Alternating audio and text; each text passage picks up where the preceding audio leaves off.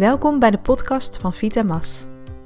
Ik ben Martine Sweers, eigenaar van Vitamas en ik ben levens- en loopbaancoach en trainer op het gebied van werkgeluk en vitaliteit in organisaties.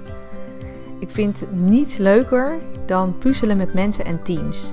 En ik lees en leer voortdurend bij over wat mensen beweegt, hoe je jezelf kunt ontwikkelen, ehm, zowel in het leven op persoonlijk gebied, maar ook in werk en in je loopbaan. En in deze podcast neem ik je graag mee in mijn speurtocht naar al die dingen. En ik deel van alles over leven, loopbaan, maar nog veel meer. Alles voor een mooi leven in deze Mooi Leven podcast. Veel luisterplezier. Podcast 27. Burgcontract. Vaak hebben we in de loop van ons leven een aantal opvattingen opgedaan, alsof het waarheden zijn. Alsof we een contract hebben gesloten over wie we zijn of wat of wie we vooral niet zijn. En in deze podcast vertel ik je waarom het goed is om deze contracten, waar je je zo goed aan hebt gehouden, eens onder de loep te nemen en te herzien. Volgens welke contracten leef jij? Nu denk je misschien contract. Ik heb nooit een contract getekend met mezelf, hooguit voor een huis of eh, met een werkgever, maar niet met mezelf. En toch leven we vaak volgens een aantal spelregels, alsof we in een wurgcontract uh, eraan vastzitten um, en dat we er nooit onderuit kunnen komen. Het zit zo. In de loop van je leven heb je eigenlijk heb je een aantal dingen geleerd. Gelukkig vooral heel veel goede en nuttige dingen. Maar er zitten ook dingen bij die niet zo handig zijn.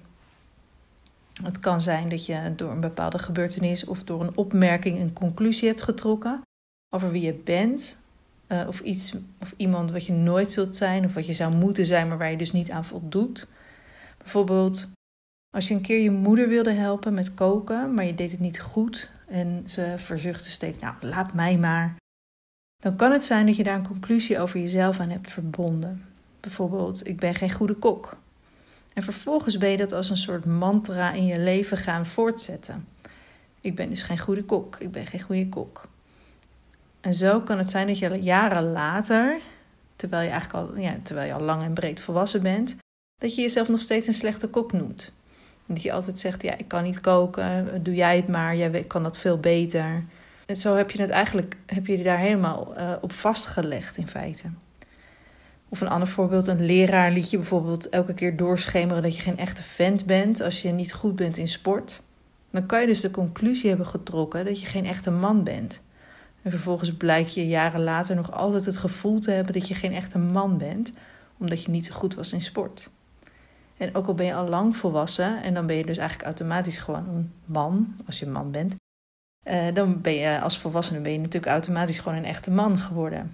Wat, ook dat, wat dat natuurlijk ook mag zijn.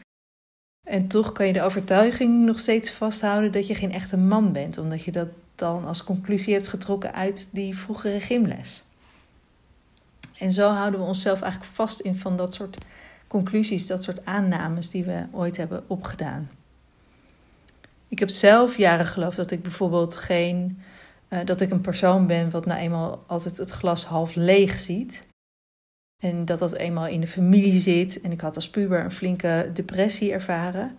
En daar ben ik helemaal uitgekomen. En het ging in de jaren daarna hartstikke goed met mij. En toch bleef ik vasthouden aan het beeld dat ik nou eenmaal een glas half leeg persoon ben. Alsof het een overeenkomst was, een contract waarin ik me volledig, ja, waarin ik me volledig moest houden. Want ja, dat was nu eenmaal de realiteit.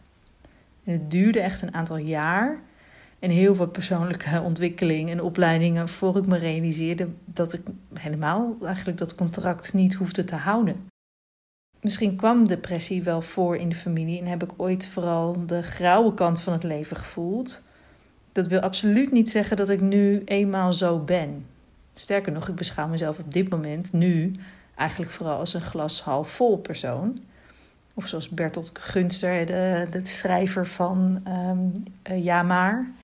Die zegt dat dat de, een waar is de kraan persoon. Dus ja, laat mij niet, ik ben niet een glas half leeg, niet een glas half vol.